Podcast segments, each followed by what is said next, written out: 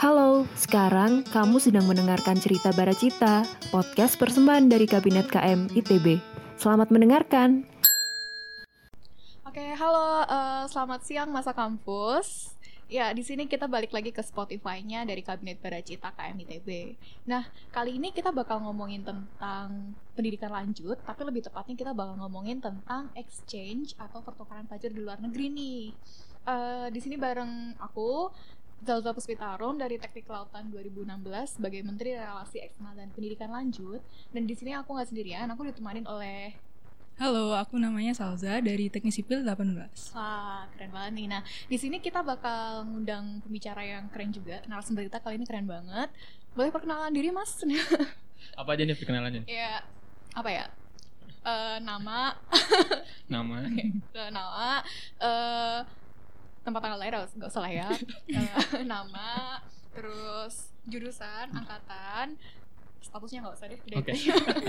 oh ya kenalin teman-teman nama saya Firman Ramadhani. Saya sekarang di, kuliahnya di teknik mesin 2016 oke. Okay. oh nah jadi uh, Firman ini habis dari pertukaran pelajar ya, ya luar negeri di mana? Di Jepang ya? Jepang. nah mungkin uh, kan banyak nih yang kayak pengen sebenarnya mahasiswa ITB itu gini Fir jadi banyak banget yang sebenarnya tuh pengen pertukaran pelajar tapi mereka tuh bingung gitu loh. Dan kadang mereka susah buat ngedobrak apa sih kayak potensi mereka atau keinginan mereka.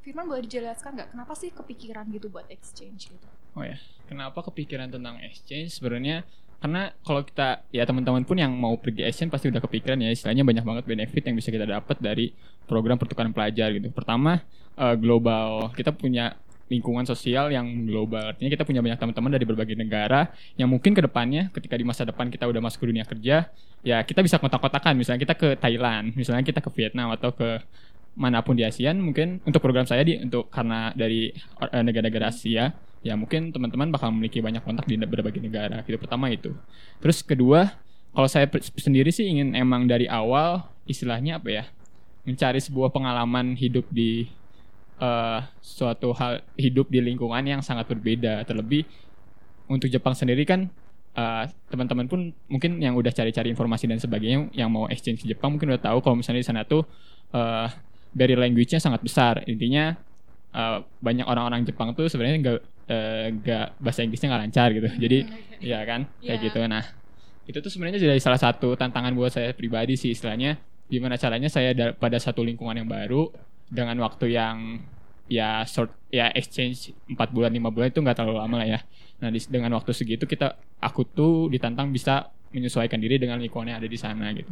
Nah, itu jadi salah satu hal juga pun aku ingin belajar banyak hal nih dari negara-negara maju, terutama Jepang nih yang banyak ya istilahnya banyak lah kita dengar-dengar Jepang tuh uh, disiplinnya tinggi. Terus sebagai negara maju ya banyak hal yang bisa dicontoh dari Jepang kayak gitu. Nah, itu uh, salah satu salah dua berarti. Dua hal yang ingin aku dapetin dari program exchange gitu. Sebenarnya itu sih. Wow menarik ya. Um, banyak juga sih. Terus tapi jadi memang dari awal tuh emang emang sebenarnya udah direncanain dari awal sejak kuliah gitu sama kuliah atau gimana untuk exchange sendiri? Uh, goalsku apa? Uh, mimpiku sebenarnya bukan program exchange tapi sebuah suatu kegiatan di mana aku bisa ada pada suatu negara yang bisa aku habisin waktu di sana tapi nggak nggak terlalu sebentar pun nggak eh, nggak uh, terlalu lama gitu. Intinya di masa kuliah ini aku ingin punya pengalaman beberapa waktu di negara lain gitu. Itu, itu mimpinya di sana jadi nggak terkhusus exchange. Mungkin bisa juga kayak misalnya kegiatan lomba dan sebagainya itu aku aku pun cari-cari juga sebelum ikut exchange ini. Cuman ya tadi aku nggak terkhususin buat exchange tapi yang penting aku punya pengalaman di negara lain gitu sebenarnya. Oke, okay, menarik banget nih teman-teman. Nah, bisa dicontoh juga nih buat kalian yang memang pengen istilahnya apa ya, belajar lah ya, belajar ya, menginstalasi potensi kayak gitu dengan nggak cuma hanya di Indonesia tapi juga di negara lain. Nah, ini bisa banget nih kayak motivasinya Firman ini dijadiin motivasi juga sama teman-teman. Karena kayak uh, berteman dengan orang-orang di luar negeri, aku pun juga merasakan itu rasanya kayak istilahnya apa ya kita jadi punya banyak koneksi gitu ya, rasanya betul. jadi kayak kalau mau ke Jerman ya udah tinggal kontak oh. Sake oke okay. terus terus uh, dulu cara daftar exchange-nya gimana nih Fir? Uh, lewat IRO kah atau di fasilitasi Oke, okay, jadi aku jelasin programku dulu ya. Oh, iya. programku ya. dulu tuh namanya AIMS. Hmm. Itu singkatan dari The ASEAN International Mobility for Student. Intinya di sini tuh program ini tuh mendorong mahasiswa-mahasiswa di ASEAN untuk uh, saling berkolaborasi untuk mengatasi permasalahan dunia gitu. Dan berkolaborasinya dengan latar belakang yang multikultural. Multikultural, sorry. Nah, intinya di sana untuk program ini tujuannya ke sana. Nah, AIMS ini sendiri bekerja sama dengan beberapa universitas di ASEAN. Nah, untuk di ITB sendiri, kebetulan FTMD itu sudah melakukan kerjasama dengan AIMS ini cukup lama. Mm -hmm. Dan aku mendapatkan informasinya dari eh, TU FTMD emang. TU internasionalnya FTMD. Cuman ya aku mau garis bawahi kalau misalnya uh, emang informasi terkait kayak exchange gini tuh kalau aku pribadi merasanya di FTMD pun sebenarnya emang tidak terlalu booming gitu. Dalam artian misalnya teman-teman bertanya kepada salah satu orang salah satu orang misalnya di angkatan yang angkatannya belum melakukan exchange ya mereka pun bakal bingung mencari informasi exchange itu ke mana dan sebagainya ya saranku teman-teman menggali aja coba menggali ke TU-TU internasional dari masing-masing jurusan jurusan teman-teman ataupun misalnya fakult teman-teman masih TPB jadi fakultas pun Aero pun bisa sangat sangat membantu sebenarnya website di Aero pun Twitternya kalau nggak salah yang sangat aktif tuh sebenarnya buat informasi-informasi yang terbaru gitu. Nah ya, ya intinya sih teman-teman mau mencari lah istilahnya kalau teman-teman udah berani bermimpi ya coba teman-teman cari gitu informasinya itu pasti aja dapat sih gitu. Menarik nih. Nah, ini kan kita di TB juga ada Air ya, benar kata Firman. Yeah. Air itu sebenarnya emang masif banget sih informasi di Twitternya. Namun kadang yang dikeluhkan dari Aero juga Mas ITB itu kadang malas mencari kayak gitu. Nah, ini bisa yeah. nih teman-teman mungkin bisa coba untuk apa namanya mulai cari-cari lebih lanjut kayak gitu. Salza mungkin ada pertanyaan dulu nggak? Hmm, mau tanya nih kak, ya, pas waktu aplikasi kira-kira challenge terbesarnya di tahap apa dan gimana cara ngatasinya? Waktu aplikasi challenge terbesar terbesarnya di tahap apa? Uh, jadi gini, challenge terbesar bagiku itu untuk melakukan exchange sebenarnya keluarga ku tuh nggak akan mungkin bisa mensupport uh, uh, biaya hidup yang setiap bulannya tuh 10 sampai 11 juta di Jepang. Nah, di sana setiap sebulannya segitu untuk biaya hidupnya. Nah, uh, aku pun pribadi pun tidak belum ada penghasilan sebesar itu gitu. Nah, itu jadi challenge pertama yang menurutku itu yang terbesar sih. Dalam artian pun sebelum aku mendaftar uh, program ini pun masih banyak hal yang dipersiapkan kan. Contohnya misalnya tes kesehatan. Tes kesehatannya pun yang menyeluruh kayak itu pun uh, ngeluarin biaya dan sebagainya pun uh, tes tes bahasa Inggris kayak TOEFL kayak gitu-gitu pun itu pun mengeluarkan biaya dan sebagainya kan nah di situ tuh uh, salah satu tantangan tersendiri untuk prosesnya sendiri di FTMD uh, aku pribadi emang sih ada yang ada ada beberapa yang tersisihkan untuk program ini cuman itu pun gak terlalu ketat sebenarnya untuk di FTMD-nya sendiri gitu cuman yang ketatnya tuh adalah karena tadi permasalahanku adalah uh, terkait pendanaannya untuk biaya hidup di sana uh, yang yang berat itu adalah di beasiswanya. Ya. Jadi untuk informasinya beasiswa yang aku daftarin itu JASO. JASO itu dari dari uh, pemerintah Jepang. Nah, beasiswa ini pun diumumin keterima atau enggaknya sebulan setelah aku di Jepang. Oke. Nah, ngedengar itu kan teman-teman udah pasti ngambil kesimpulan kalau misalnya berarti aku tuh harus nyiapin pertama tiket pesawat dan pun harus nyiapin uh, satu bulan di sana ya kan nah aku pun kepikiran di sana makanya itu uh, aku nyiapin plan-plan dan sebagainya untuk terkait uh, kegiatan Asian ini untuk dalam hal pendanaannya gitu kayak gitu sih jadi buat tantangan yang terbesarnya itu sebenarnya teman-teman juga mungkin banyak yang berpikir yang sama tantangan terbesar hidup di negara orang tuh pendanaannya ya kan gak bohong sih ada lagi Sal? Oh, udah sih. Okay, udah lagi ya. Nah, jadi uh, tadi ada beberapa dokumen yang perlu disiapkan atau misalnya hmm. beberapa hal yang perlu disiapkan dalam aplikasi kalau dari Firman sendiri kemarin apa aja selain TOEFL dan sebagainya?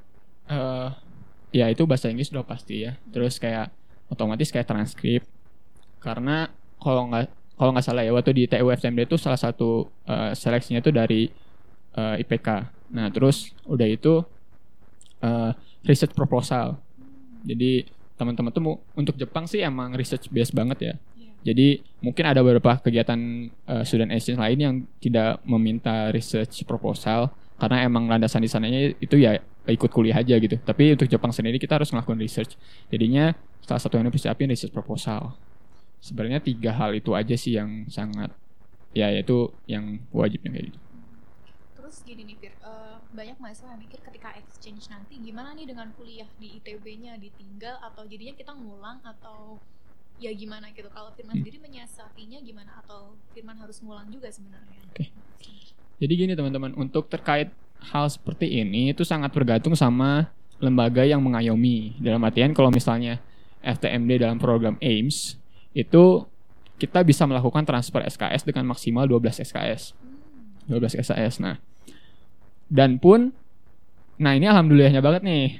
Makasih juga ke Kaprodi Gisting Mesin sendiri Pak Arif tuh sangat support sekali buat teman-teman yang mau ngelakuin entah student exchange ataupun magang industri di satu semester. Jadi satu semester itu mereka nggak nggak nggak bisa mengambil mata kuliah.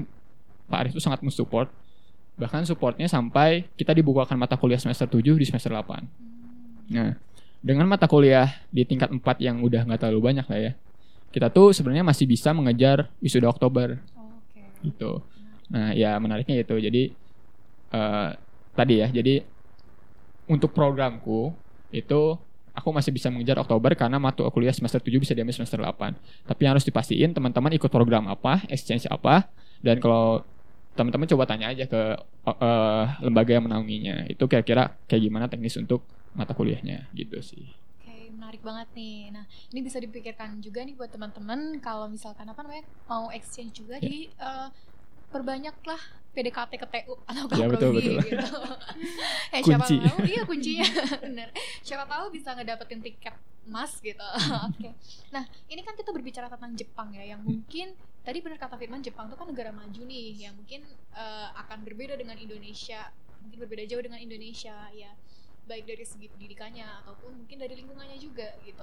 Nah, gimana sih Firman beradaptasi ketika selama di Jepang, hmm. selama melakukan research di Jepang kayak kayak gitu? Itu gimana beradaptasinya dan keberjalanannya seperti apa? Oke. Okay. Jadi emang tadi ya balik lagi aku udah ceritain kalau misalnya tantangan besar salah satu tantangan besar itu language barrier-nya. Nah, sebenarnya kita di sana untuk program itu disediain satu orang supporter.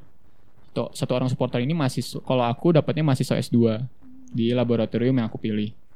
Nah, salah satu hal yang aku lakuin ya uh, dengan meminta tolong dengan supporterku, ya istilahnya gimana caranya kan ketika tiba di sana itu ada beberapa macam syarat yang harus dipersiapin. Dan dengan language barrier yang ada ya kita tuh harus bisa istilahnya mengurus semua itu gitu. Dan salah satunya itu harus berani bertanya dan harus berani ya jangan malu minta tolong aja sih. Soalnya pun supporter di sana pun udah di briefing dan sebagainya kalau misalnya emang membantu kita gitu. Dan menurutku kebanyakan kebanyakan program exchange pasti ada supporternya gitu sih biasanya. Nah, uh, manfaatin aja maksudnya bukan manfaatin secara jelek tapi ya emang uh, mereka ada itu untuk membantu kita juga gitu. Jadi jangan takut bertanya dan jangan takut meminta tolong aja gitu gitu. Intinya itu. Terus ya uh, jangan stres sendiri aja maksudnya. ya, Bawa enjoy aja. Iya awal-awal nggak bisa ngomong apa nggak bisa ngomong apa ya bawa enjoy aja pelajari oh. aja selama prosesnya gitu.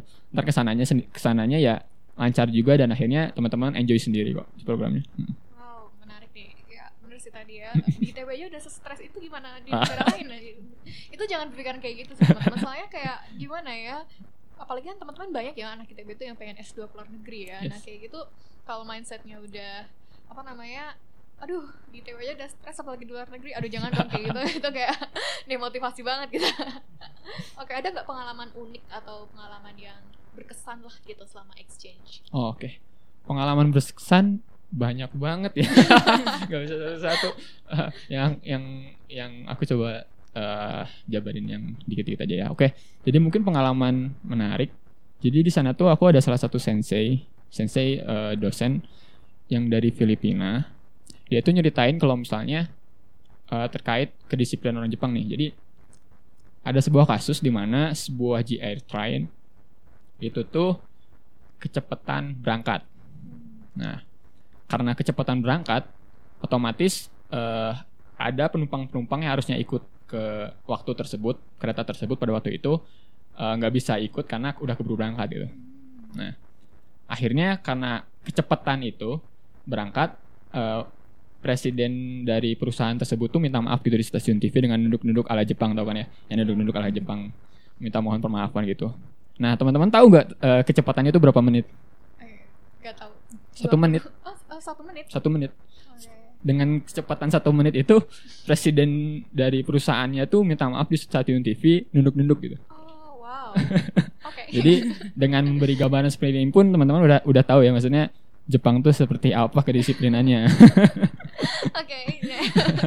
Iya itu. Itu salah satu hal yang menarik. Terus kemudian hal menarik lainnya mungkin programku tuh uh, dibasiskan untuk mengunjungi karena kita tuh diminta untuk belajar dari perusahaan-perusahaan Jepang ya. Kita uh, waktu itu uh, aku dan teman-teman dari program yang sama itu mengunjungi berbagai macam perusahaan maju di Jepang lah. Contohnya Mazda.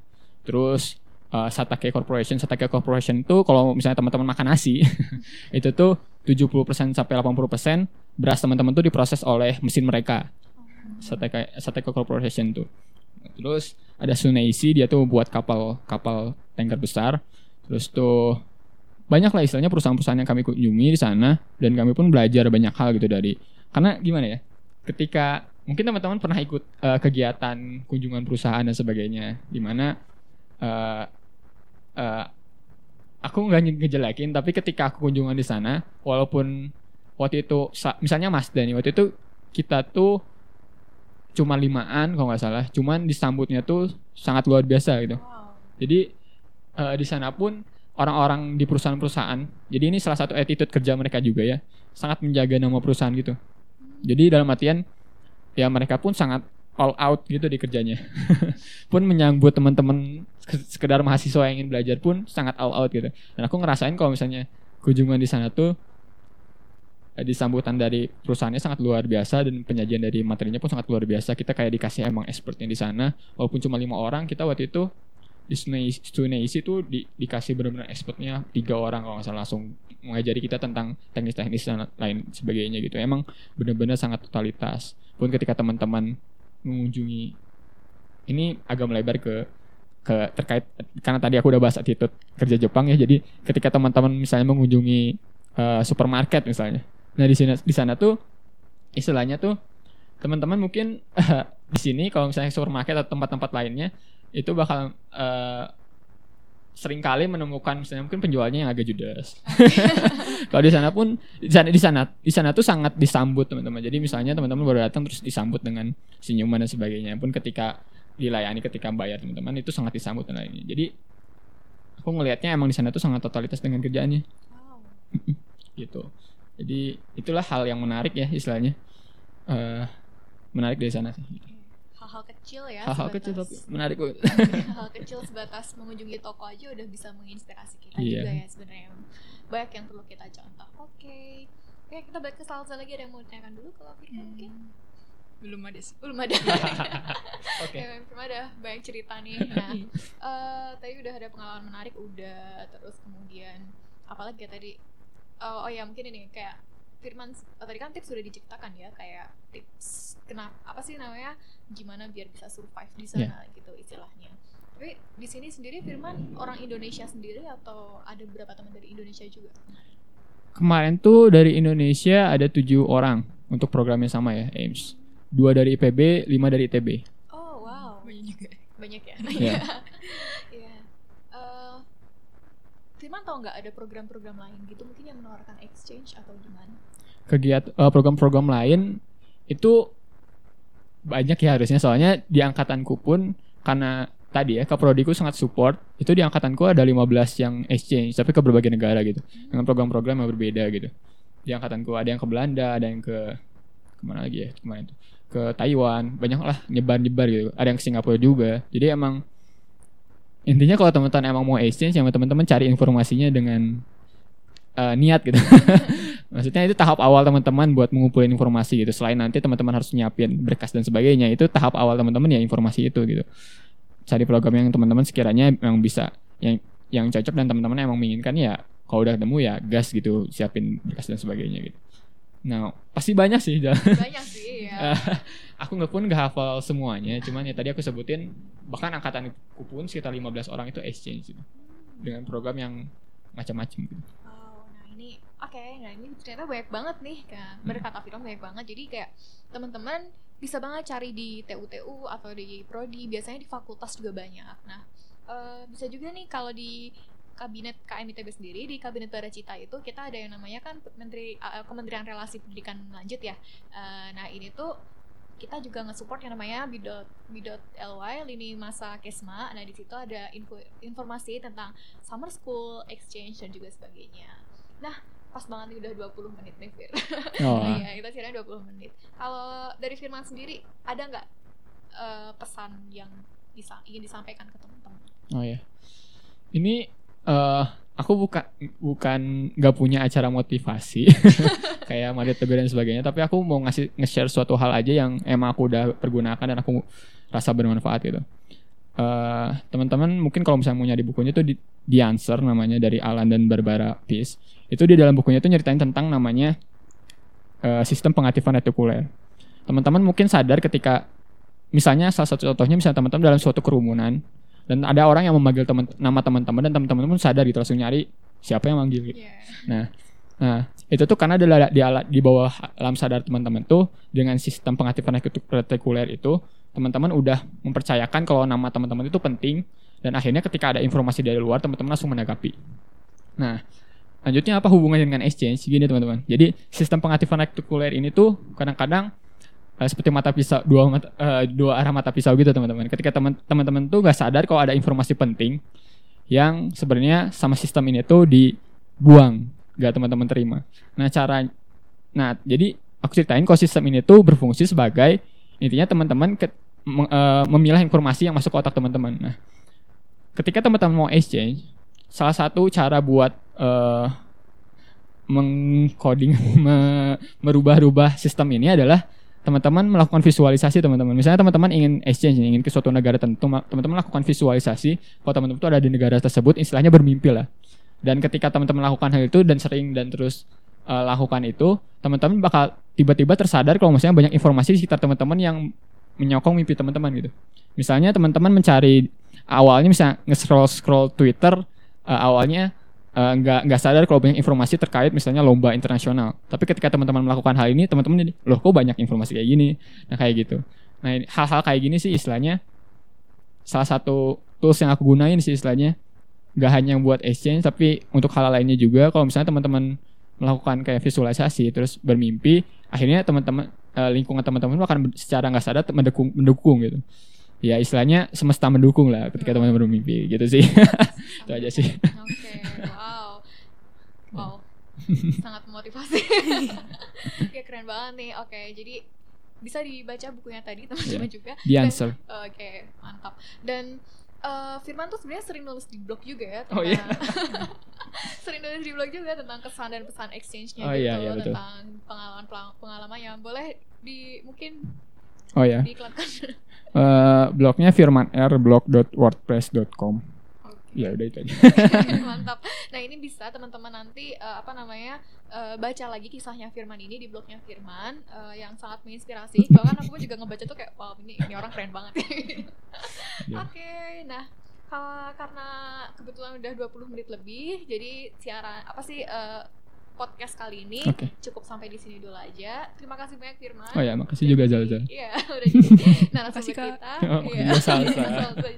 salsa. juga yang udah nemenin aku. Nah, uh, nanti kalau ada kesempatan lebih lanjut kita ngobrol-ngobrol lagi okay, ya. Siap, siap. Oke, okay, mantap. Makasih Firman. Yo, okay, mari. mari.